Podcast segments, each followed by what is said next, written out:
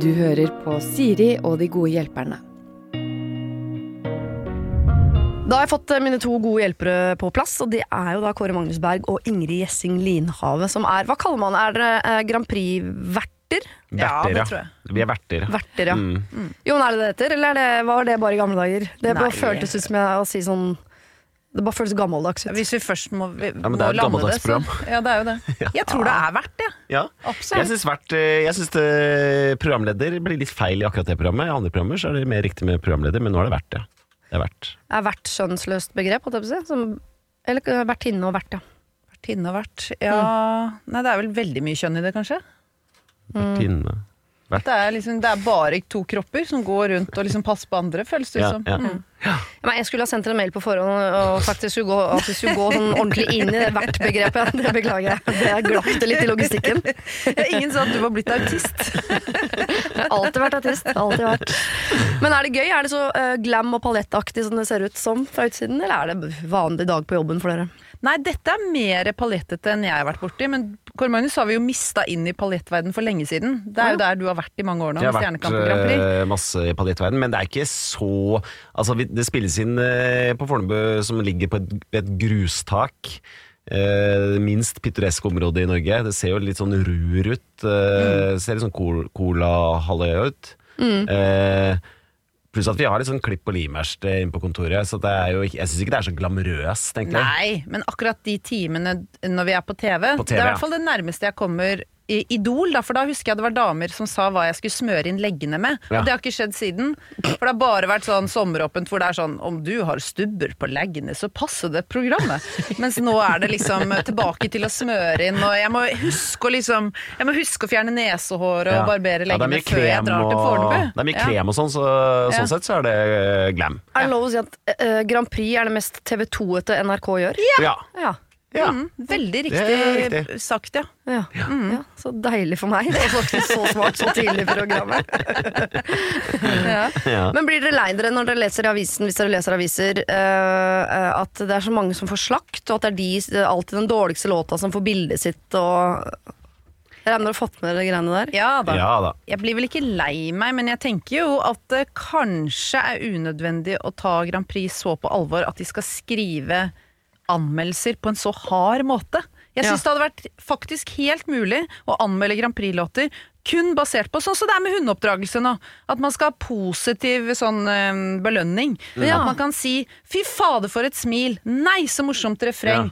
Ja. Eh, Gøyalt at du synger eh, 'hei, stem på meg'. Ja. At det er liksom Grand Prix kan man på en måte bare velge å tenke sånn vi tar det morsomme. Ikke sitte og være sånn middelaldrende, litt sånn siderumpa, sur journalist som Å, nå skal jeg anmelde det som om det var Beethoven, liksom. Ja, for det er jo, jeg tenker det er litt sånn eh, Det som skiller Grand Prix fra alt annet, er jo at det er jo crazy. Ja, må, ja. Og det må få lov til å være litt crazy og ko-ko.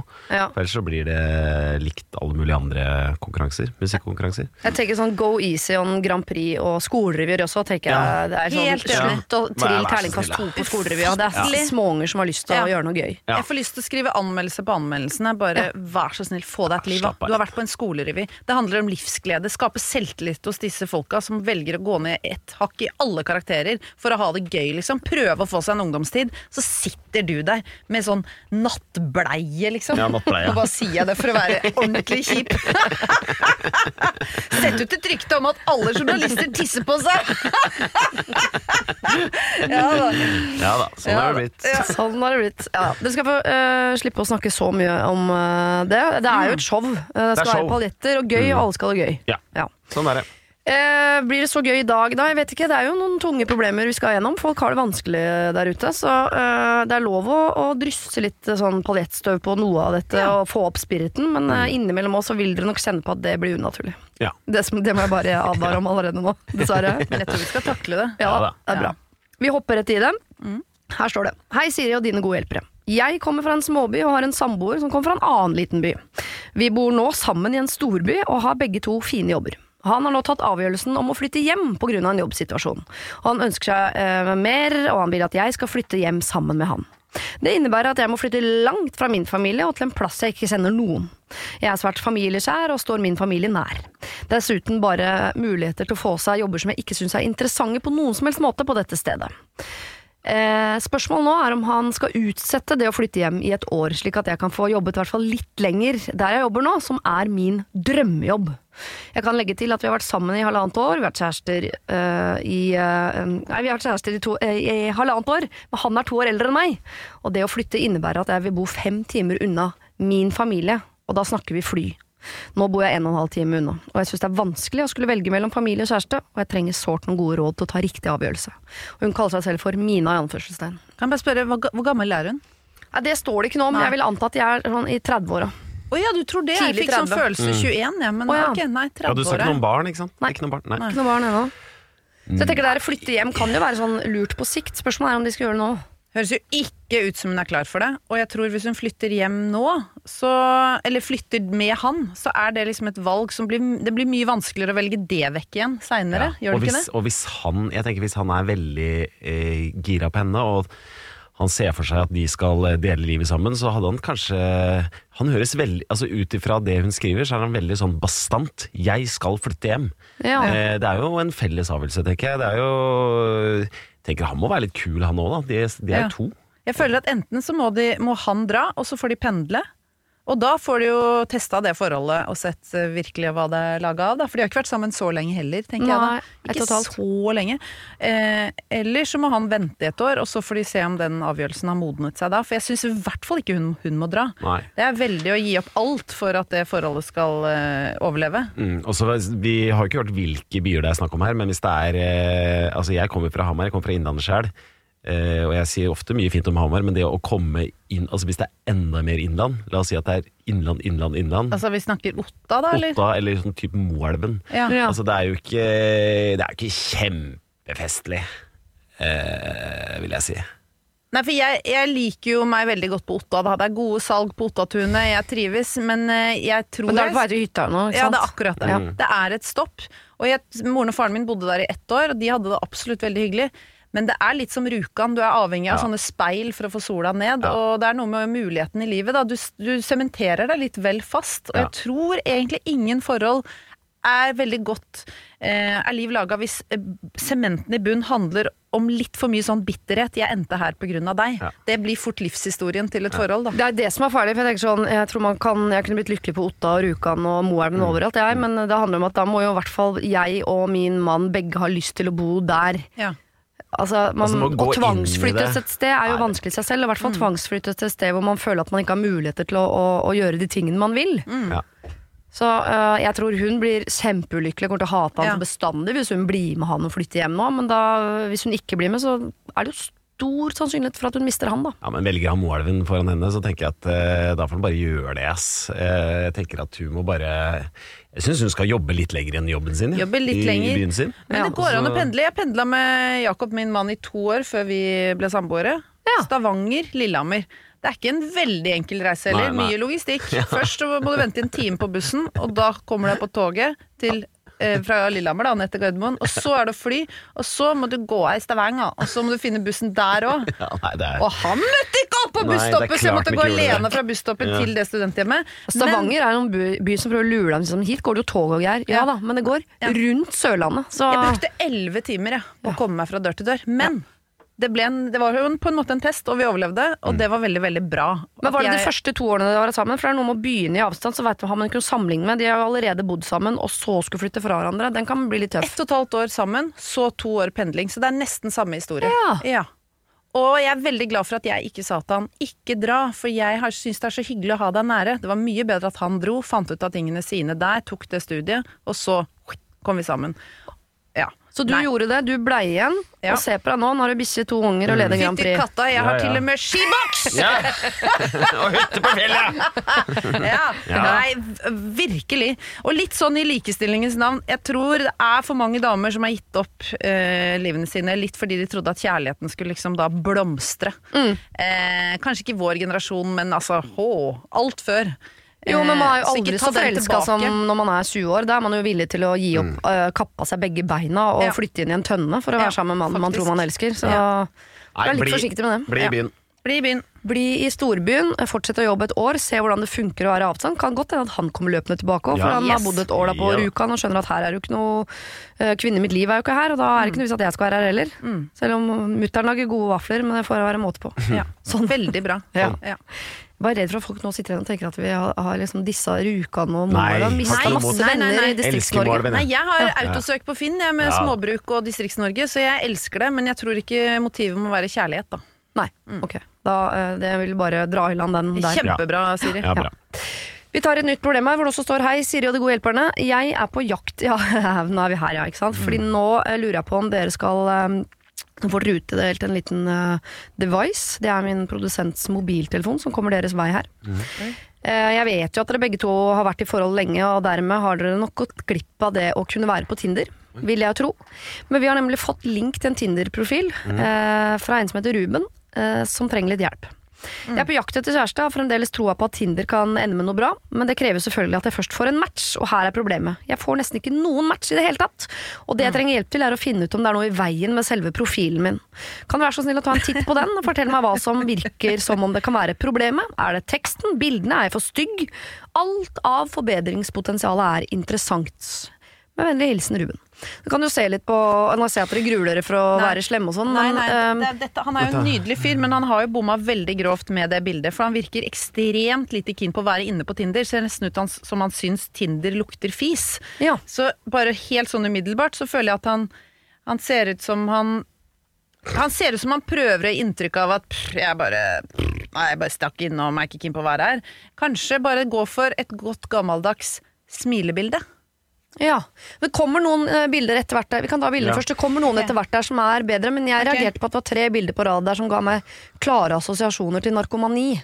Oh, ja. For han Oi. har en så. sånn batikk-T-skjorte på det ene, og så sykler han på det andre, som er ofte veien ut av narkotika for en del folk. Det er å, å finne gleden i sykling. Og så har jeg et eller annet i midten her også, hvor jeg tenker sånn Jeg reagerer på teksten. Jeg møtes over brettspill. Jeg synes ikke Han det er noe sier jo brettspill to ganger òg, så Ja. kanskje han snakker litt mye om brettspill. For han sier 'møtes over brettspill', og så til slutt sier han fra spøk til revolver, veldig glad i språk og brettspill. Så det er liksom Det er ikke Der mister han meg på de revolvergreiene. Enig, han skal ikke ha Den må han ikke ha med heller. det er litt for, eh, som å si sånn eh, eh, Hva heter det Den der, Det er noen som bruker et uttrykk med noe sjokolade i sånn Japp, japp, det, det, det skal være snickers og twist. ja, skjønner du? ja, Så er han en Ja, sånn nei, jeg synes det 100 er år gammel mann som er glad i Ja. brettspill, samtidig som han ser ung ut på bildene, og Ja. har to katter, også, står det. Ja, ja, ja. Ja, nå- Han sender veldig blanda signaler. Nå ble han borte, for jeg, jeg vet ikke hvordan man driver med det Nei, her. jeg, Hva aldri, Nå nei, jeg nå kan jo ikke dette. Nå er vi på en annen. Jeg, Sveipa dere øret på. Nå må produsenten bli sammen med han, ikke sant? Men jeg syns det er lett å løfte han opp, da. Jeg synes det er kjempelett nå å løfte han ti hakk opp. Ja, gjør En det. vanlig bilde. Han hadde for eksempel bilde nummer to, tror jeg han står og fisker i redningsvest. Og med batik, der var batikken inne. Han hadde batikk-T-skjorte, som de fleste forbinder med hasj. Pluss at Å ja, nettopp. Å ja, forbinder man med hasj, ja. Å ja, er vi der? Ja, ja, ja. Batikk fører jo til hasj, og vice versa. Å ja, Siste. så vi tenker ikke liksom mer sånn alternativt miljø, ringdans? Nei. Og det fører vel også til hasj. Ja, det er hasj. hasj Men så er det jo også, det er kanskje veldig teit å ikke tenke på sikkerhet, men må, må man stå med vest når man fisker i fjæra? Ja, det tenkte Er jeg ikke på, men er det er kanskje mye den blir, ja, er, Og så har han hjelm på neste bilde. Han er veldig opptatt av Nei, vi slemmer med deg, Ruben, men det, du ber jo litt om det også. Men jeg tror også at noen bilder altså du, Det er noen bilder her hvor jeg syns du ser meget attraktiv ut. Ja. Eh, da har du kort hår, for det første. Så det er det første jeg ville gjort. Ville klippe meg kort. Ja. Å ja, der Han var er, det han, er, er, han er kjekk i kroppen, da. Det bildet i brun Han er ganske T-skjorte er sånn- nydelig. Ja, ja, ja. Og så er det litt mye natur. Så man får litt sånn Du sier du er glad i brettspill, men du har jo herren flyttet meg ut i naturen hele tida. Ja, ja. Pluss at han sitter jo Ruben, du har fått helt henga på brettspill. Han sitter jo med det fine sånn speilreflekskamera. Han kan, kan han ikke heller skrive Ruben, eh, eh, glad i eh, å ta bilder. Eller høres det ut som han da er sånn porno Eller nei, jeg er ikke ung nok, jeg vet ikke lenger. Jeg har i hvert fall eh, roa meg litt ned på humoren, Ja. fordi han han er opptatt av å være litt sånn vittig i teksten, samtidig som han gir oss et bilde av at han er en fyr med to katter og et brettspill. Og da Ja. ser man for en sånn veldig tørrvittig gammel sånn O-fagslærer fra, mm. fra barneskolen. Jeg tror ikke han er glad i brettspill i det hele tatt. Lukker tissen min seg helt. Ja. Ja, så Jeg tror tror ikke han som er glad i brettspill heller. Jeg. Nei. Jeg tror han ljuger. Ja. Men det jeg Eh, tror, han har mange kompiser som nå har liksom bare tatt masse damer, og så tenker han nå kjører jeg en helt annen stil, jeg skal være den trygge. Men f meg som dame, jeg har jo alltid likt følelsen av at å, han skal ta meg med ut på eventyr. Om vi da ender med brettspill, det er helt greit. Men ikke, ikke begynn med brettspill. Jeg elsker brettspill, Jeg elsker men jeg ville ikke brettspill. skrevet det i Tinder-profilen min. Fordi nei. det er, gir noen assosiasjoner som er Altså, jeg, jeg vet ikke. Nei, jeg får Men kan, sånn er det for mye å si 'bli med ut på eventyr'? Er det for mye å si? Ja, det er litt som eh, Snickers og Twist, føler Ja, det- jeg. da. At det blir Ja, da jeg sånn følt at det ble eh, eh, billedmerke, Kidnappa, ja. jakttur i Ja. skog og mark. Ja. Men det er vanskelig altså, du, Det fins ikke en tekst eller et bilde som når veldig bredt. Altså, Men vil han er uansett bare ha et eller annet nedslagsfelt. Er han ikke såpass pen på det bildet da, med brun T-skjorte, at la nå det leve litt, og så la jentene, eller guttene, da, eh, få ha litt fantasi, danne seg en følelse av 'å, hvem er han der', å Og så hvis det står eh, 'hobbyfotograf', eh, liker å er, er sporty. Trenger ikke å si friluftsliv og sånn, bare sporty. Ja. Jeg har to katter, men ingen bilder av dem her. De får Ikke lage sin egen kattene. profil om de er ute etter napp. Det er for uh, ja, der! ja, hadde jeg glemt. Om de er ute etter napp. Å, Ja. altså, det er det du er ute etter. Ja, ja. Ikke noen spiller brettspill med. Nei, nei, nei, det er mye rart. Men jeg vil ikke ta med kattene heller, Fordi jeg er veldig skeptisk til kattefolk, så jeg ville antakeligvis droppa han bare pga. det med kattene. Det er ganske Å, men jeg hadde likt, ikke sant? Jeg kjenner på meg ja, Når jeg ble sammen med min lokfører, han hadde katt, og Ja. vi spilte mye brettspill i starten. ja. Men han fremstilte seg som en litt mer sånn karslig, kul type. Ja. Men det er det, for da blir det din seier. Du har fått liksom Mr. Train Hero. Som, hvorfor sier jeg det på engelsk? Nå tøffer jeg meg. Det. Eh, det, så, jeg vet ikke. Men det, liksom, det der å få en sånn alfahann til å uh, finne roen med deg og begynne med brettspill, er mye hyggeligere enn at du drar ut, jakter etter en alfahann, og så ender du opp med en som sier 'jeg er brettspillmannen i ditt liv'. Altså, det er jo noe med Alle kvinner liker vi ikke den der følelsen av Er det ikke derfor damer driver og sender brev til fengsler til sånne gærninger? Jo. Fordi de tenker 'jeg kan få han til å bli snill'. Ja, det er jeg som skal lære han å spille brettspill. Ja, og da Mm. må i hvert fall de som skal fange opp Ruben, få litt følelsen av at det er de som lokker han til brettspill. Ja. Jeg tror det, Ruben, du må roe ned Selv om jeg mener hvis du er en fyr som har glad i brettspill, så må du få lov å si det. For da, hvis det er en stor del av livet ditt, så er det fint at de damene du treffer, er klar over det. Så ikke du må drive og snikbrettspillifisere damene dine. på en måte. Ja. Så, men bare roe ned litt på det. Roe ned litt på sånn øh, På det derre uh, hjelm og redningsvest Ja. og katter og Det Ja. blir for uh, trygt og rart. Det er greit at han er en myk mann, men jeg tror han skal gå med for det der ene bildet hvor han er litt sånn stor over brystkassa og er litt sånn uh, ute i naturen og ordner ting. Ja. Tenke Eh, butikk ja. på akkurat den sjekkingen, Ja. og så vite i bunn at vi tror du er en drømmemann. For det mener jeg. Han, Det er jo han man har lyst til å ende opp med. Ja, ja. Han må bare skjønne gamet litt mer. Han må være litt badass. Ja. Ja, og det er trist at det er sånn. Det er Sånn vi kommer til å få Sånn klager på dette. Ja, Ja. det er det. Ja da. Ja ja, men altså Men det er greit. For det er bare sånn det er. Ja. Uff. Lykke til, eh, Ruben. Jeg håper eh, det sveipes til riktig side. Nå husker jeg ikke hva det er lenger. En masse i tida framover. Mot høyre. Mot høyre. Ja. ja, jeg ønsker deg alt godt til høyre. Det var ikke et politisk budskap fra meg, for da ville jeg sagt noe helt annet. Ok, dere. Ehm, vi skal inn i et litt sånn eh, trøblete vennskap. Fordi her er det en som har flytta fra verdens beste by, med verdens beste internship, verdens beste vennekrets og samboere. Jeg flyttet for å dra tilbake til studiebyen jeg kom fra for å ta en master. Og da jeg kom tilbake eh, på høsten, så var jeg ganske sliten pga. jobb. Jeg hadde hjertesorg og savnet byen jeg flyttet fra. Jeg var nok ikke så flink til å inkludere meg selv i oppstartsfasen. De vennene jeg regnet med ville inkludere meg eh, eh, når jeg kom tilbake, som jeg hadde huset når de trengte et sted å bo, og lagret ting når de trengte det, de gjorde ikke det. Ikke at de skylder meg noe, men det hadde vært fint å bli spurt om jeg kunne bli med på en ting iblant. Og så skriver hun en del sånn bakgrunn om disse vennskapene. Ganske mange gode eksempler på at hun føler seg ekskludert uh, fra sine gamle liksom, studiekamerater. Uh, Jeg har ikke tid til å lese opp alle de, uh, men jeg skal lese et eksempel som jeg syns er ganske tydelig.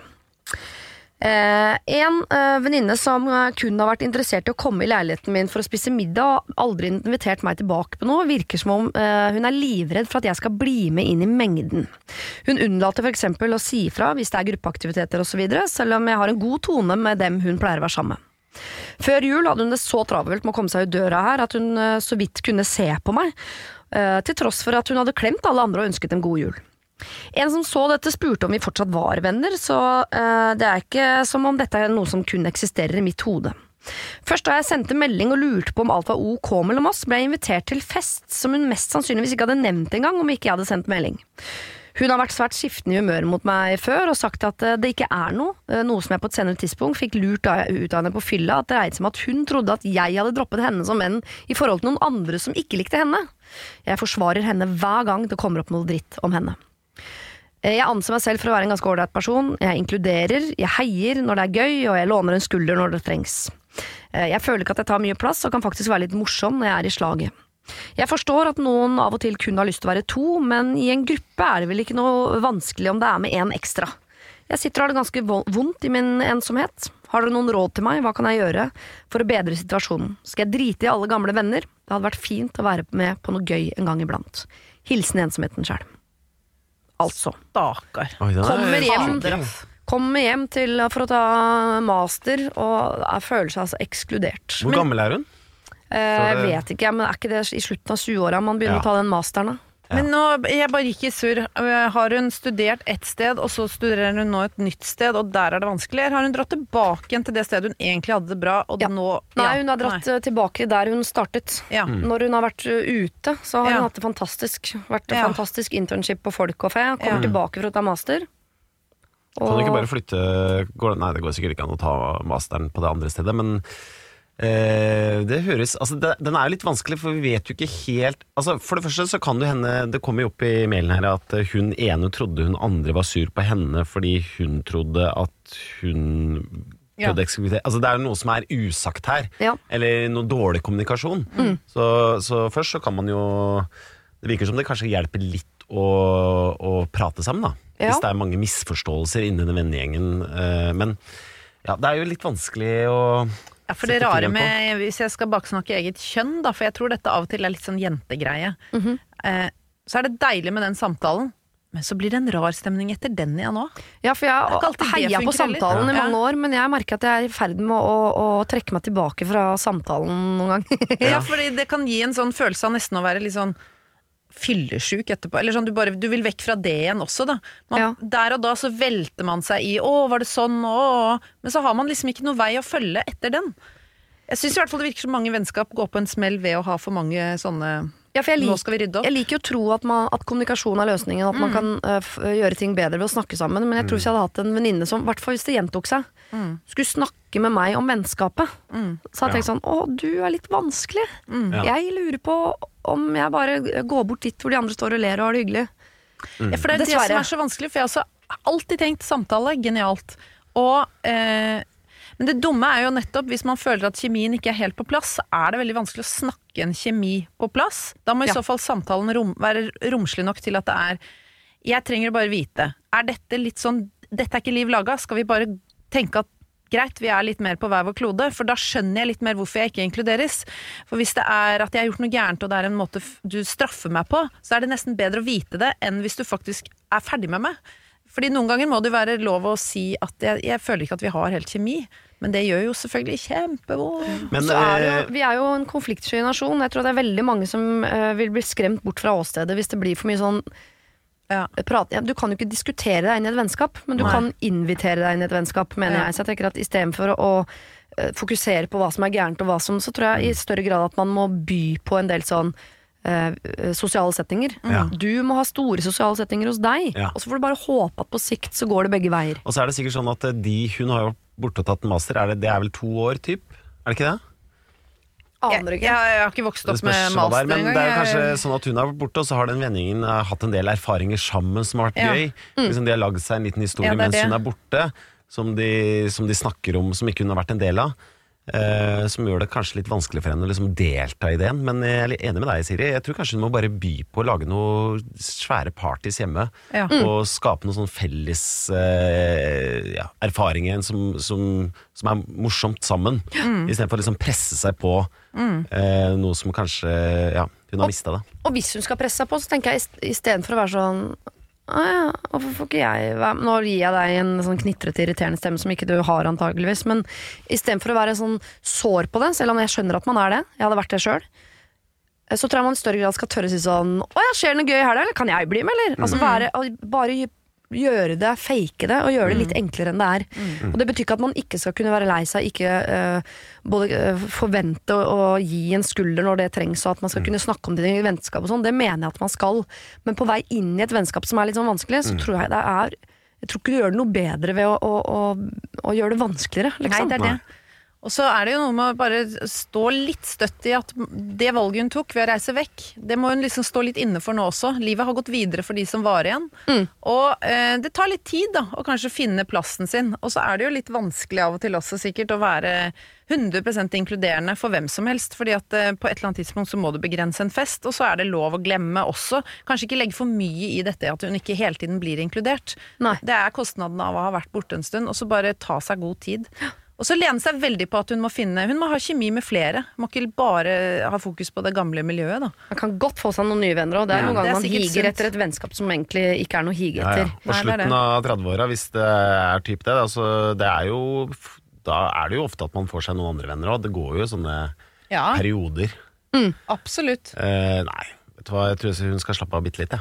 Slapp av litt. ja. Men så vil jeg si det at altså, med ordentlig gode venner, så mener jeg at hvis det dukker opp vanskelige ting, så skal man kunne snakke om det. Så dette er Helt mer sånn en, en vennegjeng hvor Ja, alle ikke sant? Da skal Ja, man eh, ta, ha litt mer is i magen. Så vil jeg også si til sånne gjenger hvis det er en som du ser, man ser det Kom de igjen, litt, da. Kom igjen, da. Jeg er helt enig. Ta med en ekstra, Helt enig. Ja.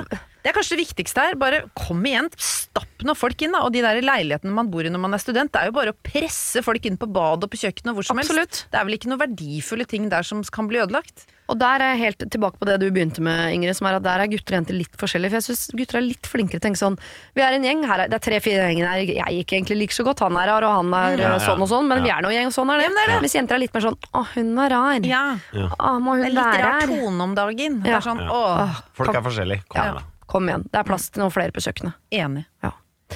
Vi skal eh, spole noen år frem eh, i tid. Eh, vi skal til en dame som er eh, 45 år, som åpner med en setning som jeg tror Dere må, altså, dere må ikke dømme henne til første setning. Hei. Jeg er en dame på 45 år som har levd et utrolig standard liv. Jeg ser at dere tenker at det, det hørtes kjedelig ut, ikke sant? Å nei, jeg syns nesten det var litt søtt, for jeg tipper at hun har levd et mye morsommere liv enn hun tror. Å ja, jeg holdt på den tanken. Ja. Uff, dette høres jo ikke bra ut. Jeg mener det positivt, nemlig. Jeg har ikke hatt noen store utfordringer i livet. Det meste har gått på skinner. Jobb, mann, venner, barn, hus, hund, flytte, Oi. hytte og i det hele tatt. Ikke at jeg har fått det på sølvfat, men det har gått greit hele veien. Nå er barna etter hvert så store, og vi gamlingene, som de sier, eh, vi kjeder oss.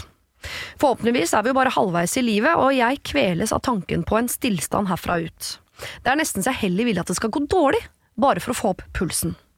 Jeg vil jo ikke risikere det jeg har, jeg vil ikke miste mannen min, jeg vil ikke miste tryggheten, men fins det noen kanter jeg kan bevege meg på som er spennende, men ikke farlig? Få deg bikkje.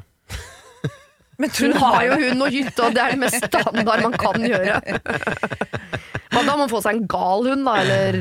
Ja, det er det. Men det der er jo interessant, og hun er jo ikke, hun er ikke alene. Det, denne personen er, Det er veldig mange av henne. Ja. Det er oss. Altså, dette er jo Ja, bortsett fra jeg kjenner meg ikke igjen i det hele tatt at ting har vært så greit. Jeg syns livet har vært opp ned, opp ned, opp Jo, ned. jo, nei, nei. jo, men jeg tenker at det er veldig mange er som, som, Ja, okay. som har ting på stell. Nå, når det ja. har, øh, det har vært et helt vanlig liv. Mm. Man har barn som begynner å bli tenåringer. eh, og og det kan føles, man kan føle seg litt sånn nummen. At det, Ja. er, at det skjer ingenting. At det er ikke noe spennende igjen. Um, Mm. Og så er man bare halvveis. så er man bare halvveis. Kan du kjenne litt på den kvelningsfornemmelsen? Ja, ja. sånn, skal vi virkelig se på Netflix herfra ut? Ja, ja. Mm. Det er samme her, man har følt på det greiene der. Og jeg er helt uenig. Jeg tenker fy faen, liksom. Så jævlig deilig, da. Er det lov Var det mye banning?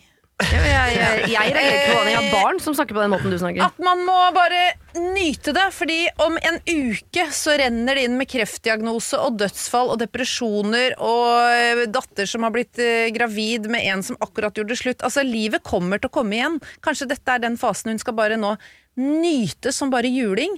Bruke litt penger da, på litt gode ferier, gå ut og spise med mannen sin. Prøve å pimpe det opp med det gøye.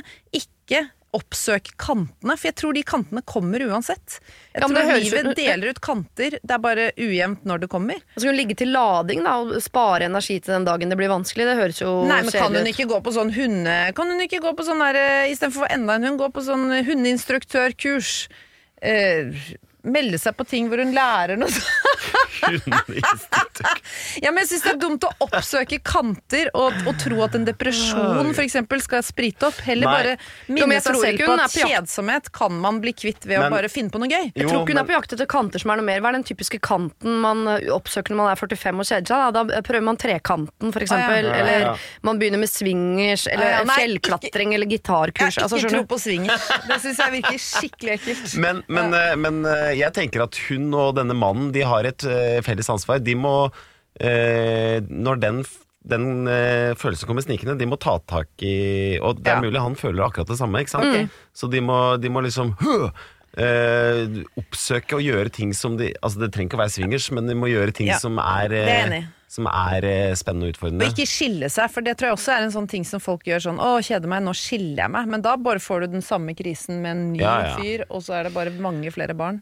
Ja, men hva, eh, hva er det hun eh, kan gjøre da, som hun kan oppsøke som er spennende? Og jeg, jeg er enig at hun bør kanskje oppsøke disse spennende tingene med han, så ikke Ja. hun skaper en sånn kløft Ja, herfra. for det er lett, Ikke sant? ikke For de to må jo fylle tomrommet etter å ha hatt eh, barn som han har vært nervøs for i Ja, de siste 15 årene, liksom. Jeg tror ikke det er så Jeg tror heller det enn å dra på bare venninnetur til København. Ja. Eh, og sitte oh, med vinglass og disse Ja. drita. Men, eh, men å bare skravle. Ja. Fordi det er lett at det der blir enda verre. Ja. Så jeg Jeg ser- Han med han er ganske viktig, tenker jeg.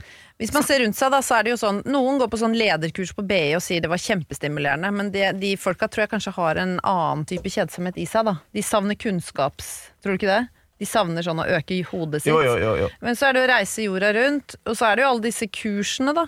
Eh, Kanskje ikke plastiske operasjoner, men det er vel Det går jo an å være litt sånn Nei, jeg vet da Nå er du all over the place der borte. ja, nå, nå kaver jeg fælt her. Fra hundedressur til plastiske operasjoner. Nei, men gjør noe altså, Hun og mannen, altså, jeg vet ikke, det trenger ikke å være swingers, men eh, hvis det, kan, de kan jo dra på strippeklubb eh, og.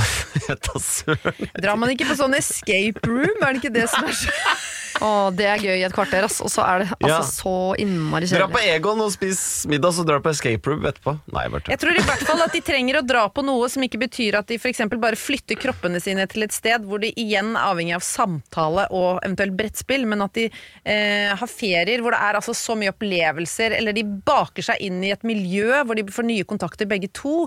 Sånn type, Er det ikke sånn gruppereiser til Israel? At man liksom Ja, jeg vet. Jo, men Jo, jeg, men jeg ikke vet sånn- ikke hvorfor, ikke men jeg sitter bare og tenker på fjellklatring. Ja. Det er det eneste jeg Ja. tenker på mens dere prater. Fordi eh, det der med å bli sånn sliten sammen, det er litt skummelt, men du skal til toppen. Og når du er på toppen der, så vil du til en annen Ja. topp. Altså, jeg har ikke, det høres ut som jeg har lyst, jeg har ikke lyst til det i det hele Nei, tatt. Men eh, jeg er heller ikke, jeg er Jeg ikke der ennå sånn at jeg er på jakt etter noe men Det er lurt å føle at man holder på å dø sammen. Ja, da er nærmer man seg jo en spennende følelse. Og Rafting, da. Jeg så på 71 grader nord i går. Ja. De var jo livredde, Ja, og er så glad etterpå. Ja. Men ikke i Norge, tror jeg. Dra til Italia Ja. med en sånn kjempegjeng. Sånn at når du kommer hjem, så bare «Åh!» Og så begynner du å planlegge nye turer med Laviato. Altså at det er litt sånn Jo, men det Ja, men ikke sjoa! Nei, Jeg skal ikke undervurdere Joa. altså. sjoa. Ja, ja. Ja. Nei, men de må i hvert fall Og det kan jo hende den der jobben Én ting er å dra på sånne turer, men det er nok en sånn i hverdagen-jobb. Ja. Eh, for det hjelper ikke å dra liksom en, eh, en, ja, tur i året et eller annet sted. Altså, Nei. de må liksom finne en eller annen sånn eh, noe deilig i hverdagen som er Ja. lettvint. Ikke pusse opp heller, for da skiller man seg, tror jeg. Ja. Jo, men hvis du vet at du skal opp uh, via Ferrata liksom i Ja, mai, så er det klart er- at da må jo mor begynne å trekke bildekk nedover uh, gata på tirsdager for å få opp lårmuskulatur. Altså, det er et Det prosjekt. er gøy. Ja, ja. Det er gøy. Mens han må google og finne hvordan de skal bo. Han, Ja. En Ja. dag har han kjøpt seg sånn uh, lakenpose silkant til begge to. Ja. Det blir Ja. godt å ha på turen. Ja. Ja, ja. Så sove i hengekøye, sånn dobbel ja, ja. hengekøye. Liksom bare, jeg tror man skal oppsøke alle klisjeene, da, for de Ja. er der av en grunn. Ja. Da blir det rådet ut. Oppsøk alle klisjeene. Finn et felles prosjekt. Ja. Dere skal en opp eller fram eller ut eller vekk. Ja. Ikke nødvendigvis svinge, men at dere skal gjøre et eller annet sammen. Ja. Som trenger litt sånn planlegging og liksom er litt sånn langt fram i tid, som er felles. Det tror vi absolutt kan være den kanten du skal bevege deg Og på. så litt sånn vin sammen i hverdagen. Vin sammen i hverdagen, ja. Mm. Har du problemer selv, send dem inn til siri at radionorge.no. Ok, kjære gode hjelpere, som jo er da dere to. Der borte. Mm. Se på meg når jeg snakker til dere. Ja. uh, jeg pleier å spørre uh, når vi har holdt på en sånn uh, Det er sånn midtveis uti, så spør jeg folk hvordan er du som venn, eller hvordan er du som medmenneske, eller hvordan er du som eks, eller litt forskjellig. I dag skal jeg prøve en ny persontype på dere. Mm. Hvordan er dere som friluftsmennesker? Å, det er gøy! Da kan du, du vi er, Der er vi helt forskjellige. Du kan Å, ja. begynne, Ingrid. Ok, jeg har gitt meg hen. Eh, Jeg har vært altså så sofagris i så mange år og vokste opp med at det var tvang å komme seg ut på tur, og gikk så mange turer på ski så langt at jeg bare tenkte aldri mer.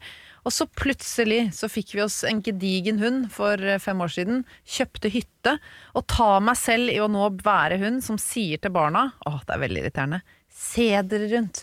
Trekk pusten, kjenn på følelsen av å sparke fra i skisporet. Altså, jeg er så Du har blitt mora di. jeg har blitt mamma, ja. Ja. Og det er jo, mamma er veldig veldig bra, men jeg tror kanskje jeg har blitt, en, jeg har blitt verre. Fordi at jeg tror liksom at jeg er en helt vanlig type som nå kan omvende alle andre, da. Så, du blitt men, eh, friluftsmenneske. Er det på grunn av du fikk hund, ble ja, friluftsmenneske? Ja, fordi at eh, vi trodde vi kom til å få en litt sånn søt forster, så ble den 35 kilo og aldri sliten. Absolutt aldri sliten. Så vi kjøpte hytte, heter det, på grunn av eh, hunden. Ja. Og begynte bare, så skjønte bare ok, jeg må bare gå på ski. Bli trukket på ski mil etter mil etter mil etter mil. Så eh, Litt sånn absurd, men det var vel det som skulle til, da. Men kjøpt hengekøye. Eh, prøvd sånn derre sove ute. Nei. Nei, jeg tror ikke der, nei. nei så du har ikke fire forskjellige primuser? En til Høyfjellet, en til Snaufjellet, en til Nei, jeg har- bare til én, for jeg liker Ja. å ha tingene. Ja, okay. Jeg liker jo å handle, da. Ja. Og Så du blir gæren på XXL, ikke sant? Ja, ja, ja, ja. jeg kan ikke gå i på XXL. jeg er aldri så friluftsmenneske som jeg er på. XXL. Da får jeg lyst til å kjøpe rifle og bare Ja, ja, ja. Ja, jeg liker å kjøpe sånn ja, tau og sånn. Se på tau Ja. og Ja, det er mye digg der. Ja. Enig. Og du da, Kåre Magnus? Du, jeg er eh, ikke Altså, jeg tror kona mi har et par ski som eh, passer. Mhm. Ellers er vi da fire stykker eh, som ikke har ski. Eh, jeg gikk så mye på ski i barndommen at jeg tror jeg ble vaksinert mot ski. Ja. Jeg syns det er altså så fryktelig kjedelig. Jeg får Du ikke blir så sur. Jeg blir så sur, og så får jeg egentlig ikke noe ut av sånn vinterlandskap heller. Jeg, det, blir, det er bare hvitt. Jeg har ingen uh, bli, Jeg har ingen sånn følelse med det. Men jeg liker eh, Jeg er mer sånn sump. Eh, jeg, Veldig spesielt å si. ja, jeg liker uh, Svigermora mi har et hus i, på Miami? landet. Nei, nei, det er absolutt ikke Miami. Det er på landet mellom Randers og Aarhus i Danmark. Ja. Som er sånn ordentlig sånn white trash-høl. hvor det er masse dansker som har sånn tribal tattoos oppi ansiktet. Som har det sånn stikker på bilen som det står sånn Vi stør til å være soldater. Eh, så det er sånn skummelt der, og så er det trist, på en måte, for det er masse sånn eh, jordbruk eh, Det ser jo ut som det har vært en sånn epidemi der, for alle gårdene er fraflytta. Ja, Bare forfaller. Har du sett Mifunes siste sang? absolutt ikke. Nei, en dansk film, men det er, det er liksom eh, jordbruket gått til helvete. eh, det er bare sånne svære, noen svære fabrikkgårder, liksom. EU-gårder. Og så er det jorde på jorde på jorde. Men jeg kommer fra flatbygdene. Så det er Eh, sånn postapokalyptisk ja, og stemning. så er det liksom. veldig bløtt, fordi i Danmark regner det, i hvert fall hvis du er der om våren. Sånn, det pøser jo ned. Så det er noe sånn melankolsk vakkert i det landskapet som jeg digger. da Så der, eh, der kan jeg være så mye som mulig, egentlig. Da får du lyst til å skrive på skrivemaskin og drikke rødvin, du. Eller? Ja, i hvert fall Drikker rødvin, da. Ja, drikker rødvin. ja. Men jeg liker liksom Jeg syns det derre Det er noe motstand i det derre stygge, sånn stygge, triste landskapet som jeg tiltaler meg, da. Men du går jo sjukt mye tur, da, for du har jo en bokser. En bokser, du, ja. du går jo mer tur med henne enn eh, Jeg går hun mye- kanskje til og med har lyst. Ja, ja. Ja.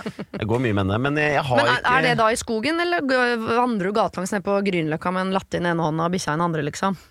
Eh, går ikke Nei, jeg går ikke i skogen heller, nei. Nei, nei. Nei, nei, nei. Nei, nei, nei. Jeg går eh, rav... Jeg går ut i parker og sånn. Er ikke noe Jeg vet ikke, det er noe med meg og skog og fjell. Altså Jeg blir eh, Jeg får klaustrofobi. Ja. Altså det er rart, på høyfjell òg, Ja. så får jeg noe sånn eh. Jeg blir emosjonell ut av det på en ja. sånn eh, Jeg blir lei meg, nesten. Vi gikk langrenn sammen en gang, og da kom du så som Ronny Le Tekerå, liksom. Det var sånn, kom i narkobukser og bare på med noen gamle skigreier og bare boblejakke. Alt var feil, liksom. Og bare går og banner og sverter og hater. Ja, nei, jeg, er- jeg vet ikke hva som har skjedd. Jeg lurer på om jeg skal melde på deg til uh, 71 neste år. ja. Ja, Så det. gøy. Gjør Se det. deg Ja, ja, ja. kave deg gjennom fjord og fjell der borte. Ja. Å, fy fader, selvfølgelig Ja. må Der, du er neste Melina, Ja. liksom. Ja, Der ja. ute i Det er også. Farmen, for han hater tvekamp. Ja, ordet tvekamp. Altså, jeg brekker meg. Nei, tvekamp og skog, altså Nei, det kan noen andre drive med, ass. Ja. Ja, men da syns jeg eh, Hold deg til Grand Prix og, og caffè latte. Jo, men jeg er, ikke sånn, jeg er ikke sånn at jeg er så urba at det må være bråk og storby heller. Jeg Nei. bare ser ikke poenget. Du er Eh, svak for asfalt, da. Nei, ja Eller sump. Asfalt og Ja, asfalt og sump. Sump, kanskje mer sump. Ja. vet Ja. søren, jeg.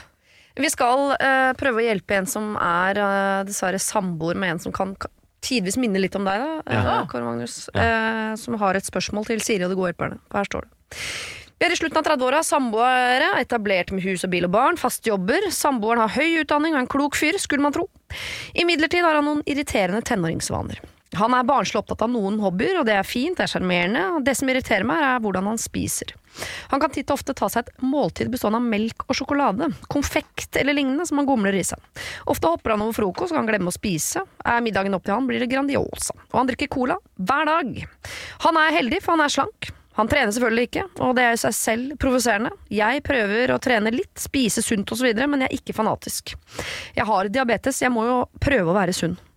Det irriterer meg særlig nå da vi har et lite barn, og jeg vil jo at denne lille skal lære seg noen gode vaner. Er, jeg er ikke totalt imot godteri, altså, men dette er jo sjukt, og ikke tro at jeg ikke har sagt fra. Da ler han bare, eller jatter med. Han har ofte lite energi i hverdagen, noe som ikke er så rart. Iblant maser jeg også om at han bør ta tran og vitaminer. Da tar han kanskje det en dag, og så koker det bort. Fins det måter å få han på andre tanker? Jeg øh, trives jo med å spise sånn øh, dritt mer enn jeg skulle ønske, jeg. Jeg regner med at han må få en egen indre motivasjon, men kan jeg påvirke han på en snedig måte? Tar imot tips. Hilsen irritert sellerina, som hun kaller seg. Grunnen til at jeg sammenligner han med deg, at han høres ikke ut som en fyr som er spesielt glad i noe annet enn asfalt, han heller, sånn etter klokka fire. Jeg må bare legge til at jeg, jeg er ikke noe sånn søt Altså Jeg drikker nesten ikke brus. Jeg er, ikke så veldig, jeg er mer på kyllingvinger. Ja, ok. Jeg er mer på sånn uh, Heller det enn kake. Ja, du det er jo redneckenes sunt. konfekt. Men du legger jo ikke på deg kjempeirriterende. Ja. Det er veldig Det er skikkelig irriterende. Nei, men jeg tenker jo at hvis hun har diabetes Det er jo utrolig Jeg tenker at eh, det er jo ikke så veldig sånn eh, Hvis hun sitter der og må passe på, på sukker i blodet og sånn, så sitter han og trøkker ned cola og sjokolade. Det er, ja. jeg Ja, skjønner det jo er- at det det er sykt irriterende. Hva søren er det for noe, liksom? Og overfor dette lille barnet, da. Ja, for den var litt rar, for jeg tenkte ja, de burde få barn, men de har jo barn. Og ja, har det, jeg, vil jo, jeg har i hvert fall alltid følt at jeg, jeg har, En ting er at jeg selv kan oppleve forfall, men jeg har ikke lyst til at barna skal oppleve det. Nei. Så det er litt sånn rart at han ikke føler på sterkere motivasjon for å skape litt sånn sunne rutiner i hjemmet, da. Han sitter vel og tviholder på ønsket om at barna har arvet hans genmateriale når det kommer Ja. til vekt, da. Vil jeg tro. Men han kommer jo, det sier jo du også, Kåre Magnus, at selv om du er veldig slank, så hvis du en eller annen dag går amok, så vil du få bollebage. Ja, jeg får jo en sånn liten tutt nederst der. Og det Rett opp. Kan du prøve å skremme han med det? Det kommer, den. Ja. Hvor gammel var den? Eh, slutten av 30-åra. Ja, da kommer den. Det er den rett rundt hjørnet. Plutselig så våkner den opp en dag, og så er det den lille magen der. Og så er det jo noe med det er, jo nå bare, bare velger jeg baksnakk for jeg syns egentlig at de er veldig heldige. Men de som er, ikke legger på seg noen ting, og som ser veldig veldig slanke ut, de kan jo bli skjelett og noe bløtt. Ja. Og det er jo ikke så mye å bygge videre på, da. Men han er antakeligvis ikke så redd for eh, alderdom og brekke lårhals ennå. Men det er jo noe litt stilig med Så, så du, du trener masse og sånn. Det er jo du, du merker jo på deg at du liksom Å, du liker det, da. Man blir jo veldig mye Ja, ja, man blir jo veldig glad av å trene. Ja. Men jeg tenker at uh, han, han Altså, selv om han ikke blir stor og, og altså, Selv om han ikke blir tjukk, så er det jo ikke kjempe Han kan jo få dårlig helse av å drikke all den brusen og spise sjokoladen likevel. Ja, men tro, Dette er jo ikke ting han ikke vet. Så hvis Nei, jeg er tror det er det. helt Vi innpå når sier ikke at han må få en indre motivasjon. Og det, er sånn, det må han, for eh, Mm. altså, Den der pekefingeren fra uh, samboeren, det er han blitt immun mot. Det, Ja. Han hører og ser det ikke lenger. Ja. Det er derfor han jatter med og ler og stapper i seg Ja. med sjokolade. Tenker sånn, ja. skravler, skravler, går. Ja. Eh, så han må få en eh, indre motivasjon, og da hjelper det ikke å si ting til han som han allerede vet, som at Nei, det er det. det er usunt med cola. Nei, men du kan jo si det det er, u, det er udigg, liksom. Det er lite attraktivt å se på deg drive og dytte ned all den sjokoladen og Ja. Altså, jeg, jeg, blir ikke, jeg blir ikke kåt på deg eh, når du heller i deg alt. Altså, det kan man jo si. Ja, og Det er antageligvis helt reelt Ja, også. ja. Hun blir jo, man, er ofte man, eller sjelden man er kåt og sur. Veldig sjeldent. Eller irritert. Ja, ja, ja. Og det er gøy. Og det kan jo. Det kan hjelpe mer på det derre manne... Liksom, altså, du, du, er ikke noe, du er ikke noe deilig altså, Du er ikke noe digg i, i det prosjektet ditt, liksom. Så du må, hvis jeg skal Mm. synes du er attraktiv, så må du prøve å Ja, Det for det ikke høres ut som gir, nei, det bare høres ut som gir dette paret nå noen tips som, uh, som dytter det i retning av skilsmisse. At hun skal nå begynne å si sånn Du er ikke noe deilig, altså! Ja, det er det. At Ja, det nei, blir Ikke sånn noe altså- kåt åpen deg når du sitter her og spiser. Ok, skilsmisse. Men det som går an, er jo kanskje å Jeg vet ikke om det går an å ta en sånn prøve å få til et møte med han, da, hvor man sier at som eh, foreldre til et barn, Ja. så syns jeg vi er helt Vi er helt ute og kjører. Fordi det barnet, hvis det er lite nå, så går det greit. Men det barnet kommer jo til å bli helt dratt imellom to verdener sånn kostholdsmessig. Og hvis det lander på farssiden, da, ja da har man jo diabetes og overvekt og alt sånt. Og det der er jo kjempevanskelig. Så eh, å få han litt med på at dette handler om ansvar for barna. For antagelig så ha, driter han i det. For han tror at han bare kan leve sånn resten av livet, han. Men han kommer jo til å gå på en smell. Han 50 år med colafargede tenner og bollemage og litt sånn eh, grevinneheng fordi det er ingenting som drar huden oppover. Det er ingen muskler. Nei. Det er jo noe litt sånn vondt, da. Og så er det jo et barn her som er nesten sånn 100 sikkert at får diabetes på et eller annet tidspunkt. Enten arvelig fra mor eller livsstils fra Ja, far. Mm. Så det er jo Men det er jo et godt poeng. Ja. Ta møte med helsestasjonen, og så i smug eh, be de liksom eh, skape litt skam. ja, rundt dette med diabetes. Mm. Ja. Det tror jeg Diabetesforeningen eh, applauderer at du sier. Skal vi skape litt skam rundt diabetes? Altfor lite skam. Nei, men i hvert fall skam rundt livsstil, da. Jeg, jeg, for dette treffer meg litt òg, fordi jeg har hygget meg for mye i livet. Og jeg ser jo at jeg må liksom virkelig ta meg sammen, fordi som mor så det går ikke. Men jeg tror vi må spille på dette barnet på en eller annen måte. Jeg skjønner at Celerina er irritert, men det betyr, den irritasjonen får ikke han til slutt. Fordi han, han må liksom se på seg selv at dette her er ikke bra. Eh, og det er det enten på seg selv eller på barnet. Så vi må liksom fokusere på det barnet, og få det, han til å skjønne at da må du bygge deg en egen hule et eller annet sted. For Ja, å ja. sitte ned der og, og gnefle melkesjokolade Ja, så så blir du trynet. ja. Men du, du kan ikke gjøre det inni her. Nei. Jeg har diabetes, kanskje barn får det. Du kan ikke holde på med det, Nei. liksom. Nei, det er det Da får du gjøre det på jobben, så jeg ikke Ja. ser det, i hvert fall. Ja, så bare, det. det er ikke noe alternativ. Nei. Det er nok. Nok Tror- nå. Må være, være strengere og kanskje få en helsestasjon på ditt parti, Mm. rett og slett, hvis det går an. Men ikke, ikke skap noe mer skam. Nei, ok, det er ikke sånn kjempemye skam, men litt indre skam hos han. Litt indre skam. Ja, lite grann. Dere, eh, vi skal over til et eh, problem jeg kunne ha kjent meg igjen i, eh, men bare sånn til halvveis midt uti her. Mm. Dere kommer til å skjønne når dette problemet knekker over i noe annet som ikke har vært borti før. Okay. For Frida skriver inn. Jeg er glad i oppussing og interiør, og mine venner ber meg ofte om hjelp. For litt siden trengte en venninne et stort bilde over sofaen, og jeg fant et fantastisk bilde jeg mente hadde passet perfekt. Hun likte det, men syntes det var dyrt og var litt usikker på kvaliteten. Tida gikk, det ble ikke noe mer snakk om det, men jeg klarte ikke å legge fra meg dette bildet, og jeg endte opp med å kjøpe det selv. Venninnen min kjøpte en plakat på Ikea. Så kommer hun på besøk en dag, og bildet henger jo på veggen. Litt gøy, tenker jeg, men hun ble pottesur. Skulle tro jeg hadde stjålet kjæresten hennes. Vi er 40 år, og for 20 år siden så gjorde jeg nettopp det. Vi er gift i dag. Men det eh, har vi snakket oss gjennom. Men nå mener hun at dette med bildet da, sier noe om meg og min karakter, og hun nekter å snakke noe mer med meg. Jeg er litt paff. Er det noe her jeg ikke ser? Skal jeg si unnskyld, eller må hun bare ta seg sammen? Frida. Hæ? Det er det rareste. Kjemperart. Hun ville Hun fikk presentert bildet, men ville ikke ha det? Ja, dro på Ikea isteden. Nei, men kjære Det er jo ikke sånn at hvis noen sier 'Å, Ingrid, denne kjolen kler du', 'Å, Ingrid, du liker å bo ved sjøen, se på denne hytten på finn.no'. Jeg eier ikke de tingene da. Sant? Jeg eier jo ikke det folk sier at jeg ville kledd, eller 'Å, du burde dra til Maldiven, Ingrid, det er så fint der'. Ja, det er ikke Jeg eier ikke Maldiven. Faen, jeg blir forbanna på hun venninnen.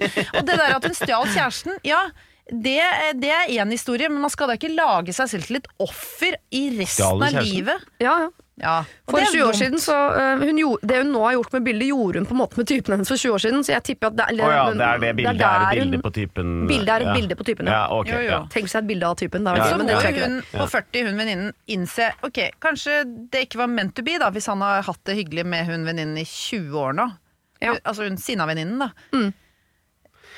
Nei, det Hun har jo er, sikkert fått seg en mann, hun òg. Det er derfor hun ville innrede og få seg bilder fra Ikea. Altså bare Nei, fasiken, det der syns jeg var litt sånn barnslig ja, opplegg. ja, ja. Ja, de er, og de er 40 år, så det er tydelig at jeg er helt enig at det er ganske barnslig til å være 40 år. Men hva skal Frida gjøre da? Hun er jo paff. Skal hun, skal hun si unnskyld? For jeg tenker at det letteste Nei, å gjøre nei. er jo å si unnskyld, og så er man ferdig med det. Åh, men det er så slitsomt. Jeg er ganske god på å si unnskyld, men jeg må jo si det er litt slitsomt noen ganger å si unnskyld når du egentlig har lyst til å si Åh.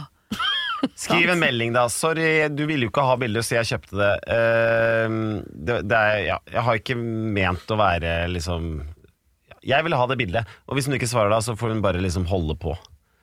Ja. Da får Men bare la den venninnen seile videre. Kan Ja. hun ikke bare si 'jeg var sikker på at du ikke ville ha det bildet', i og med at du kjøpte på IKEA? Men ikke si Eh, unnskyld. Jo, men for sorry sier jeg når jeg ikke vil si unnskyld. Ja, ja, okay. Ja, si sorry. ja, sorry. Si sorry, da. Mm. Amerikansk. Eller Engelsk. entschuldigung, Mm. Mm. når man egentlig er dritsur. ja, I stedet var jeg veldig engasjert. Jeg er ikke så engasjert nå. Nå har det liksom gått over. Dette er jo bare Dette er en tøysesak. Ja, nei, dette er Altså, du, skal si, du trenger ikke å si unnskyld til venninnen din, men du kan si sorry på Ja, si sorry, ja. Du ville ikke ha bilde. Jeg, eh, og så kan man jo si i og med at jeg anbefalte deg det, så regner jeg med at du skjønte at jeg elsker jo det bildet, selvfølgelig. Når du Ja. ikke vil ha det. Ja, da må jo jeg ha det sjøl. Ja. Og så skriver jeg Ja, da blir hun sur igjen, men det er litt deilig å skrive. Ja. Hvis dette handler om noe annet, så må du nesten uh, fortelle meg det, for jeg skjønner ikke helt. Ja, for Sorry. jeg, ikke for å, å uh, Jeg må jo være litt djevelens advokat her, for det kan Ja. jo hende at man her også kan strekke ut en hånd og spørre venninnen sin sånn Handler dette om noe annet? For det kan jo være hun, Kanskje hun har det vanskelig med mannen for tiden, Ja. og Ja. nettopp da så blir hun minnet på sånn Å ja, Ja. hvis jeg Alle bare hadde vært tar- sammen med han eksen som du Ja. tok, så hadde Ja. sikkert livet vært helt perfekt. Eller Ja. sånn og når jeg ser bildet på veggen, så skjønner jeg at det var det jeg skulle hatt, men jeg hadde ikke råd. Men det har jo du selvfølgelig, for du fikk jo en bedre jobb òg, du. Gjorde du ikke det? Ja. At hun Ja. er litt sånn Ja. bitter på Frida fra Ja, Frida. det er et hun godt tok poeng. mannen, fikk bedre jobb, har Ja. sikkert f- kulere unger. Alt er bedre hos Frida. Ja, du, nå er jeg enig med deg i alt det der. Nå, er jeg- nå syns jeg hun som har kjøpt bildet, var litt irriterende. Jo, men det er ikke noe man skal si unnskyld for. Nei, men hun vet at venninnen har antageligvis kjempelyst på det bildet, men vet du hva, jeg har ikke råd. Jeg jobber på sykehus, jeg står på, mannen min har psoriasis, jeg må smøre han inn med noe greier hver kveld, vi har trøbbel, og så kommer hun på besøk, og så bare Ja, der henger det. Jo, men det er et eller annet med det Og der henger det bildet Ja, på det gni det inn. Ja, ja, ja. Du kan alltid plukke fra øverste hylle. Ja. Ja. Ja, Nei, enig. kanskje hun skulle er vært litt litt, med- Hun kunne ha tatt det opp først. Ja. Men, eh, men eh, ja, handler det her om noe annet? Ja, og da mener venninnen kanskje at hun burde skjønne at ja, det handler om noe annet. Det er mye greier her. Ja. Ja. Sorry det med psoriasis. Men det det, virker er som heller fri- ikke meningen å lage skam. Det virker som Frida er et menneske full av overskudd. Hun Mm. fikk den beste typen, hun kjøpte det dyreste bildet. Og sånn, så jeg tenker Ja. at du, har jo da, du er et menneske som har overskudd til å strekke ut en hånd. Ja. Mm. Hun kan jo, hvis dette vennskapet er verdt å redde for deg, Frida, så kan Mm. du strekke ut en hånd og spørre sånn Er det noe som er vanskelig i livet ditt nå? Mm. Selv om det også kan irritere. For jeg tenker sånn, å ja, Skal du Ja. strekke en hånd ned fra den store, Men- høye, hvite hesten? men kanskje- Jeg synes at hun ikke egentlig innrømmer at hun har gjort noe galt. Hun legger det over på venninnen. Hva er det du baler med igjen nå, da, siden jeg er perfekt? Jeg har jo aldri gjort noe galt. Kanskje hun skal være litt forsiktig med den. Ja. Kanskje hun kanskje- kan si er dette litt typisk meg, at jeg ofte gjør noe som Ja, er kanskje er litt sånn Det er jo det hun sier. Ja. Dette sier noe om deg og din karakter, har hun sagt. Oi. Ja, det er kanskje en del her vi ikke vet, altså. Men, eh, men kanskje Frida ikke trenger å nevne ja, Dette handler jo om noe annet enn det bildet. Ja, Kanskje prøve å ta en prat med en venninne, og så egentlig ikke snakke om bildet, for det handler ikke om bildet. Det handler om noe annet. Så Mm. er det noe jeg kan hjelpe deg med, eller har du det vanskelig, bla, bla, bla. Mm. Vær litt sporty og kul.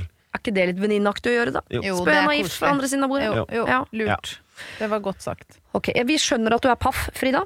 Eh, Men vi tror at dette bildet bare er et bilde på noe annet. Så hvis du har overskudd til det, så kanskje strekk ut en hånd og høre om dette her handler om noe annet. Uten å være sånn ovenfra og ned på det. For hvis det er det som er problemet, så gjør det det bare verre. Ja. Og Og da beklager tips. Hvis de er i butikk, kan jeg bare slenge inn Hvis de Ja. er i butikk sammen en dag, og så hun venninnen prøver en kjole og sier sånn 'Å nei, den passer ikke helt til meg', 'Å, det er drømmekjolen, den passer ikke helt til meg', ikke kjøp den. Nei, ikke Altså, prøv den du, så gå sitter den perfekt, og så Ja, kjøper du den. Ikke vær sånn. man må ikke være for perfekt. Nei, det kan faktisk være irriterende. Ja. Ja. Ok, vi skal over til eh, et problem her hvor en skriver eh, Hei dere. Jeg har vært gift med min store kjærlighet i tolv år. Jeg har to barn under fem. Jeg trenger hjelp med noe jeg har tenkt på i lang tid, som har blitt større etter at jeg fikk barn. Min barndom var vanskelig. Det var mye krangling mellom foreldre. Det var mye krangling mellom mamma og hennes nye mann, og mange traumatiske hendelser. Pappa har alltid hatt alkoholproblemer, og jeg har ofte måttet ta vare på han når han ikke klarte det selv. Når han flyttet til en storby når jeg var ti år, eh, så var det mange helger der jeg og min bror eh, var alene uten at mamma visste hvordan det egentlig var. Hjemme hos mamma var det ofte høylytte krangler, hvor jeg da tok ansvar for min yngre søster. Jeg kunne ta henne med ut på kveldene til tross for at hun bare var tre år og jeg selv var tolv, og jeg passet på at hun skulle slippe å høre kranglingen og prøvde å få henne til å sove om kvelden. Vi ble ofte kastet ut av leiligheten, og flere ganger måtte vi flykte til vår oldemor. Tenårene ble preget av mange mørke tanker. Nå om dagen er jeg frisk, har et stabilt forhold, føler meg sterk i meg selv. Jeg jobber og er opptatt av mitt fag. Det kommer perioder da jeg tenker tilbake på mitt liv og blir sint eller lei meg. Hvorfor gjorde ingen noe for å stoppe dette? Nå ser jeg på mine barn, og jeg skjønner ikke hvorfor dette fikk lov til å foregå uten at noen sa ifra. Jeg har ikke snakket med mine foreldre om dette, og jeg vet ikke om jeg tør heller. Jeg har et godt forhold til min mor i dag, og et litt mer overfladisk, men greit forhold til min far. Jeg er utrolig konfliktsky, men føler at jeg kanskje må få dette ut av systemet for å kunne bearbeide det. Hva skal jeg gjøre? Jeg er redd for å gjøre mamma og pappa lei seg ved å ta det opp, men sitter igjen med alle følelsene selv. Hilsen Britta. Ja. Ja. Skal hun bearbeide dette selv, eller skal hun lempe det over på foreldrene sine, som jo har skyld i dette? Vi Må bare si for en fantastisk person, da. Ja. Helt Ja. utrolig. Stått så innmari på og, og tatt så mye ansvar. Og så så utrolig trist, for dette er vel ganske klassisk. Jeg tenker at det kanskje kan være lurt. Sette seg ned, skrive et langt brev hvor man begynner med at dette brevet ønsker jeg egentlig ikke et svar på. Dette Nei. er kun for min egen del. Jeg har lyst til at du skal vite hvordan min oppvekst var. Og så kan hun sende det både til moren og til faren. Kanskje det er to litt forskjellige historier der, til og med. Men bare rett og slett som ren terapi, fordi det er drøyt at ikke foreldrene skjønte hva som foregikk, og det er drøyt at ikke de fulgte opp. Herregud, hun fikk jo ansvar for et så lite barn. Mm. Og moren har jo skilt seg fra faren, så det har jo vært en gnisning der i utgangspunktet. Og moren har også vært bevisst på at det har vært Og den høylytte kranglinga var jo eh, mellom mor og ny Og type. stefar, ja, Mm. og faren veit jo selvfølgelig at han har drukket, så det er jo noe med at her er det voksenpersoner som ikke har tatt ansvar for egne handlinger, og når de eh, ikke gjør det, så tar de ikke engang ansvar for å si til barna dette er ikke ditt ansvar. Vi har problemer, det er ikke ditt ansvar. Så Mm. kanskje brev. For jeg tror å drive og ha samtale i håp om å komme fram til noe Jeg vil tippe at foreldrene har lagt ganske lokk over dette greiene her. Hun får ikke endra fortiden sin uansett. Nei, Og så er hun vel Um, ikke interessert i at de skal begynne å forklare, eller bortforklare det hele. Hun har kanskje behov for hun- å få det litt ut. Ja, men det kan hende hun har behov for en sånn innrømmelse da, fra foreldre som sier sånn Ja. Ja, vet du hva, det der var ikke bra. Her vil, vi ha- vil vi ha noe mer enn sånn- sorry på SMS, Ja, på en måte. men bare en slags sånn Jeg vet, vi vet at det var sånn, Mm. eh, og vi er forferdelige. Så, så hun er, sånn at hun ikke bare tror at det er i hennes hode, på en måte. Hun vil ha en bekreftelse på at det var sånn. Mm. Eh, men samtidig så er det jo det, Dette høres såpass drøyt ut at eh, ja, det kan jo godt hende hun har gjort det, men det kan hende hun skal liksom gå til fagfolk og få snakka ut litt. Mm. Eh, for det her høres jo Høres ut som hun har hatt en eh, ganske hard barndom, da. Ja. Ja. Ja, for jeg blir eh, usikker sånn, Det er helt klart et behov her for at hun skal få snakket ut om dette. Og så er spørsmålet videre, men er det nødvendig at mottakeren av det er foreldrene? Samtidig som jeg tenker sånn, skal de få slippe unna? Ja.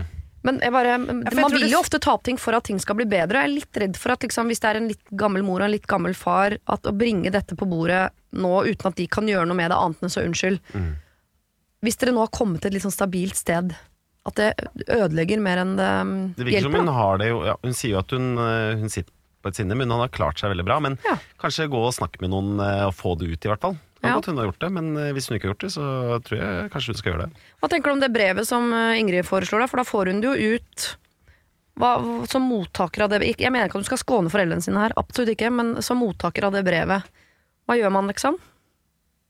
Se fram i tid, du får et sånt brev av en av ungene dine. Far, du sviktet meg. Altså, det kan hende de har så mye skam i seg at de ikke kommer til å si Altså, Som Ingrid sier, det er ikke sikkert hun vil, det er ikke sikkert hun vil uh, ha noe Men jeg tror hun vil ha svar, egentlig. Ja, altså, hun vil bare- ha en innrømmelse fra de, og så får de det brevet, og så blir de bare enda mer mutte og legger lokk på det. det Ja, for tenk hvis ikke hun får de svarene hun vil ha. Ja. Så kanskje hun må si det, men det kan jo være vanskelig, selvfølgelig. Men jeg tror kanskje mer det enn det brevet, altså. Jeg tror i hvert fall bare det er viktig når man skal prøve å hele egne sår, at man ikke er avhengig av at mottaker kommer med det geniale svaret. Fordi at det, hvis de har et genialt svar, da skulle de kanskje vært i stand til å rydde litt mer i egen leir i utgangspunktet. At her er det kanskje voksne som aldri har klart å være ordentlig voksne, aldri klart å ta det voksenansvaret, da. Men hvis du derimot kanskje går og snakker litt, få tømt deg noen ganger, og så du kanskje til slutt har lyst på, ikke en konfrontasjon, men du har lyst til at de skal bare vite historien din. Dette, er, dette ble min livshistorie, og det har gjort jævlig vondt. Du er en del av det. Men eh, jeg eier min historie nå, så du skal ikke begynne å Du trenger ikke å blande deg inn, og jeg gjør det heller ikke for at du skal få dårlig samvittighet, men du skal bare vite at sånn var det. Det er noe med å bare få tømt søppelbøtta si. Men jeg tror ikke på noen sånn eh, one-liner fra foreldre som kan eh, gjøre det godt igjen, for antageligvis så er liksom Den historien er allerede skrevet, da. Eh, og så tror jeg det er viktig å huske på at dette tror jeg er en veldig vanlig historie, dessverre. Sæ- eh, dessverre, skal jeg si. Særlig kanskje når man er i den alderen vi er. Det har vært så forskjell på generasjonen oppover at det er akkurat som det har vært så mange klønete foreldre som ikke har helt klart det derre realisere seg selv, ta vare på barn, og så er det mye skam. Nå er det kanskje mer åpenhet hvis man ikke fikser ting, da. Jeg vet ikke. Jeg tror nok det har vært mye ræva foreldre i alle generasjoner, men jeg, det er gøy at du sier det, for jeg er nesten det en av de få gangene i livet mitt jeg har vurdert å ta på meg forskerbrillene og gå sånn hardt til verks inn i faget. Jeg sånn, Den pappagenerasjonen Den vår, pappagenerasjonen, ja. det, altså fedrene til oss på 40, det er bare mye rask og ræl, sorry altså, men uh, Ja. det tror jeg var en vanskelig periode å være Som forelder igjen var vokst opp med fedre som omtrent ikke anerkjente at kvinner hadde hjerne. Ikke sant? Det er jo utrolig mye grums, da. Og mye sånne autoritære, autoritære menn, da, Ja. eh, som var deres fars generasjon. Ja. Og så skulle de bli myke, de skulle finne Ja. seg sjæl, men de skulle være far og forsørge. Altså, det, mm. tror det var nok det en liksom, heavy eh, runde eh, på den tida der. Ok, vi skal ikke prøve å bortforklare eller unnskylde uh, det, men uh, prøve å snakke med noen, få det ut, men ikke nødvendigvis ha en forventning om at mottakerne av dette skal komme med noe som tar bort fortida di. Nei. Er det ikke det vi sitter igjen Jeg med? tror ikke hun skal forberede seg på et svar som, ja, som du sier, som liksom løser alt. Nei. Det får hun nok ikke, fordi som Ingrid sier, de har eh, kløna så mye. For dette er, eh, ikke en, det er ikke en gåte med et svar som er sånn 'Å, eureka!' Dette er, Nei, altså, det Men er- man kan få en unnskyldning, men Ja. fortida er noe uansett det er uansett, da. Og så oppi alt sammen, fy søren hun kommer til å være en fantastisk mor, og hun må tillate seg selv å gjøre noen feil hun òg, fordi det går ikke an å gjøre alt riktig. At hun Nei, ikke skal bli en mor som aldri kan gjøre noe galt, da, fordi hun har lært. Mm. Um, og så bare vite at eh, Fy søren, hun kommer, altså jeg tenker hun kommer til å naile dette livet herfra og ut. Og barna hennes kommer til å slippe det hun har vært gjennom. Så liksom klappe seg selv på skulderen da, for at hun er så bevisst. Mm. For hun kunne sikkert ha putta dette langt ned i en, et sort hull og lagt lokk på, men det har hun jo ikke gjort. Og skriv det brevet. Det er sånn typisk psykologråd. Skriv det brevet. Det er ikke sikkert du har behov for å sende det engang. Det er bare rett at man får med å få det ned på papiret, så, er det, så føles det som om du har løst det. Det var veldig proft, eh, Siri. Ja, men det er Ikke proff, jeg har hørt at en proff sier det, så det er det ja, kommer det, ikke det var veldig smart. er. Ja, men det var Men jeg sender det komplimentet videre til uh, de instansene som fortjener det der ute. Vi skal ta et uh, siste problem. Uh, det er jo snart vinterferie. og her kommer det et vinterferieproblem. Er det uke åtte som er vinterferie over hele fjøla? Kan ikke huske sist jeg hadde vinterferie. Jeg husker ikke heller om det er sånn at er det å, uke ni et annet sted i landet og sånn. Kan hende. Jo! Fasiken, husker du ikke at vi drev med vinterferie på radioen når vi hadde radio? Oh, ja? Det er til og med sånn at uh, i Finnmark og sånn, så tror jeg de har vinterferie liksom et helt Ja, ja.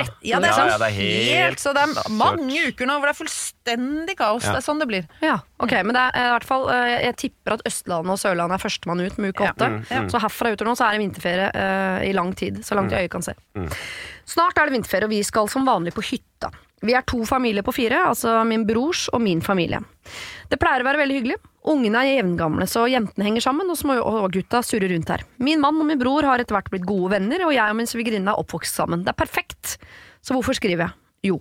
I år skal plutselig min niese ha med seg typen sin. Det ødelegger jo dynamikken fullstendig. Så nå vil ikke min datter være med med mindre hun kan ta med seg en venn. Altså, idyllen er i ferd med å sprekke opp. Hva er den beste løsningen, syns dere? For jeg kan vel ikke bare si nei? Ulriks kaller hun seg. Vet ikke helt hvorfor hun kaller seg det. Um, forstår dere gruppa her? Mm. Ja. Nei, hva, hva var gruppa igjen? Jo da, det er innskriver og broren. Ja. Dra på hytta sammen med hver sin familie. De voksne damene er Ja. venner, de voksne gutta er venner, de små gutta er venner, de små, eh, store jentene er venner. Og så skal hun ene store jenta ha med seg typen sin. Sånn var det. Da er det kult å være hun andre jenta på 13 eller 14 eller jeg vet ikke. Hvor, hvor gammel er hvem, hvem hvor gammel er Fra 13 til 17, tipper jeg. Ja. Hun jenta. som skal med typen? Skal med seg typen sin. Ja, men ting forandrer Ja, seg, det er da. Ting forandrer Altså, seg. det er jo Gud bedre. Ja, nå ble du irritert. Ja, men jeg tenker sånn, folk er Ja, men nå, nå har det vært så koselig i så mange år, og så er det så vanskelig når vi skal ta bare sånn Kjære vene. Ja, men kan, altså, ting er jo ikke alltid helt likt. Du kan ta med typen sin. Men er ikke det litt poenget med en hytte, da? At ting er ikke likt, og ting forandrer seg, og, Ja. og ting skjer overalt. Men på hytta, der er det stillstand. Der drar vi opp, da tar vi på den frakken som har hengt der i alle år. Eh, vi spiser det vi alltid har Ja, har men spist. det altså- tror jeg er litt sånn der feil Jeg husker, Det er kanskje det som har ødelagt meg og skigleden. Altså, eh, altså på, øh, man forandrer seg, man blir eldre, og etter hvert så bare kjeder jeg meg. Altså Kjeda livet av meg oppå den hytta. Jeg Ja. tenker at det, for å, I hvert fall hvis du har en tenåring, Mm. eh, eller en som begynner å hvis, La oss si denne jenta er 16 år, eller sånn. Da. Hvis man skal liksom beholde gleden av fjellet, så tror jeg man må liksom også gå med på å forandre de som er Altså ta med nye folk. Ja. Og, og, og fordi ja, barn blir eldre og får andre interesser, og det er stas med en kjæreste. Altså, jeg tror man må liksom bare godta at sånn er det. Og da kanskje de, de, de blir mer glad i stedet og bruker det mer. Jeg tenker at man må liksom Man kan ikke holde på Ja, for det dette det kan være den kneika som gjør at uh, jentene slutter å bli med i det hele tatt. Ikke sant? Vi vil ikke dit neste år, vi vil være hjemme. Og så tror jeg dette er mors nostalgi mer enn at det er hun datteren som ikke har kjæreste sin, eh, sitt problem. For jeg vil jo tro Altså jeg bare husker når vi dro på fjellet, og så hadde søsteren min blitt så Hun er syv år eldre, men vi var veldig sånn Fant, ting, fant på ting sammen hele tiden. Så skulle hun ha med kjæreste, kjæreste første gang. Ja, nå var jo jeg syv år yngre, da, men jeg bare Da satt jeg i en krok da, og titta på. Syntes det var kjempespennende. Mm. Titta. Eh, titta. Men det er jo gøy for hun Ja, andre som ikke har kjæreste, og bare ok, nå er vi her. Vi går inn i en ny fase. Så spennende, så kult at vi er i en familie hvor det er lov å ha med typen.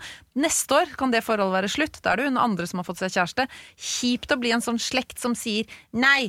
Aldri forandring. Heller kanskje bare tenke ta på samme frakken, spise samme maten, innlemme nye folk i disse gøye tradisjonene og lage påskekylling og farge Nei, det er ikke påske, det er Har man lyst til å si til Ulriks ikke bli Sylvi Listhaug, liksom? Ta så og Ja. åpne opp Jeg lite ja. grann. Jeg vet hva, jeg, Nå skal jeg ikke være for politisk. Eller jo, jeg skal være kjempepolitisk. Jeg tror vi alle har godt av å ikke bli for Sylvi Listhaug. Det er en button verdig, det greiene der. Ja. Eh, men eh, hva er løsningen, spør hun jo om. Jeg, jeg skjønner, jeg kan også være litt sånn Å, nå er det hyggelig, kan vi ikke bare sette en sånn osteklokke over denne hygga, Ja, ja. eh, og så blir det sånn herfra. Jeg kan skjønne Ja. at man kan bli litt sånn eiesyk Ja, ja. på den Ja, ja. hyggen. Ja. Eh, om man vil bevare den, så tenker man på vegne av seg selv og datteren sånn Ja, men hvorfor skal du ødelegge noe som fungerer? Men ok, eh, hun må få lov til å ta med seg typen sin, ting forandrer seg osv., men er da løsningen at datteren også får lov til å ha med seg en venn? Det kan Det er jo kjempehyggelig. Eller bare Eller si blir kløfta større, holdt jeg på å si? Først kanskje spørre datteren Er dette et problem for deg. Syns du det er litt kjipt? Føler du deg som femte hjul på vogna? Ja? Ok, hva med at du tar en venn? Hvis hun sier nei, å ja, men du, hvis det skulle bli et problem, kom til meg, ja, så spiller vi kort. Brettspill. Lager Jo, men datteren har allerede room. sagt dette. Datteren min nekter å være med med mindre hun kan ta med en Ok, venn. husket ikke helt det. Nei. Mm. Ta med venn. Ta med en Ta venn. med venn. Og så Løst. går det an å si til datteren at moren faktisk nå prøver å tøffe seg litt opp og legge vekk følelsen. Ok, Mm. la oss snu på det. Hva om dette hadde vært deg?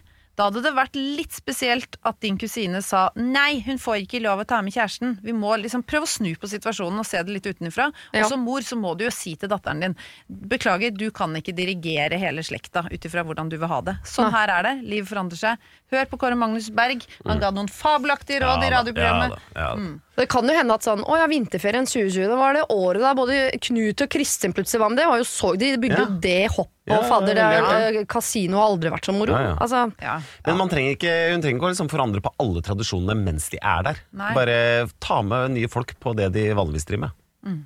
Ja. Ikke sant? dette er integrering av nye folk i hyttetradisjoner. Ikke sant? Men da må du Ja. si sånn Du må skrive i hytteboka. Jo, vi Ja, ja. spiser biff stroganoff Ja. på fredagen, og sånn ja. er det, og det gjør Ja. du Sånn òg. det. Ja. Ja. Så litt Sylvi Staug, da. Bitte litt. Så kan man jo selvfølgelig ha sånne regler som jeg vokste opp med, for jeg fikk ikke lov å sove på rommet med min kjæreste før jeg var 21 og han 24. Jeg besøkte min kjæreste i Nederland da jeg var tolv, og delte rom med han i en uke. Ja, nei, okay. det går an å være ganske Det, an, det, det finnes mange festlige muligheter innad på hytta. Ja. Ja. Vi må tilfeldigvis på utedo samtidig. Ja. Ting skjer. Ja. Ting skjer. Den kalde utedoen. Ja, men det der kommer okay. til å bli bra. Jeg tror Ja. det blir kjempefint, det. Ja. Ja.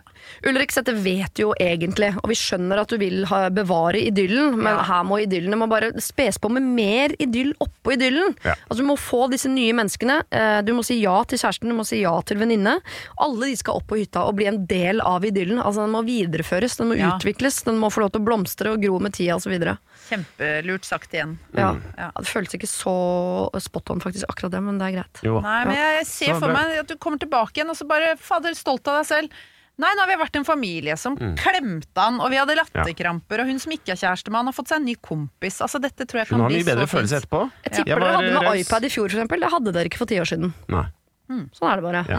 Ja. Eh, god vinterferie, eh, og så må jeg si takk til eh, dere to, da, mine gode hjelpere. Du, Takk for veldig hyggelig å være komme, her. Tror dere ikke verden er litt bedre nå, da? Jo. Jo, bortsett fra at vi har lagd skam rundt sukkersyke Ja. Ja, det beklager jeg. Jeg og snakka ned, fje- og- ned fjellet og introduserte ferie i, i sump. Som et alternativ. Så vi er ganske sånn i null, da. Ja. Det var det. Husk å sende ditt problem til siri at radionorge.no om du vil ha hjelp. Denne podkasten er produsert av Rubicon for Bauer.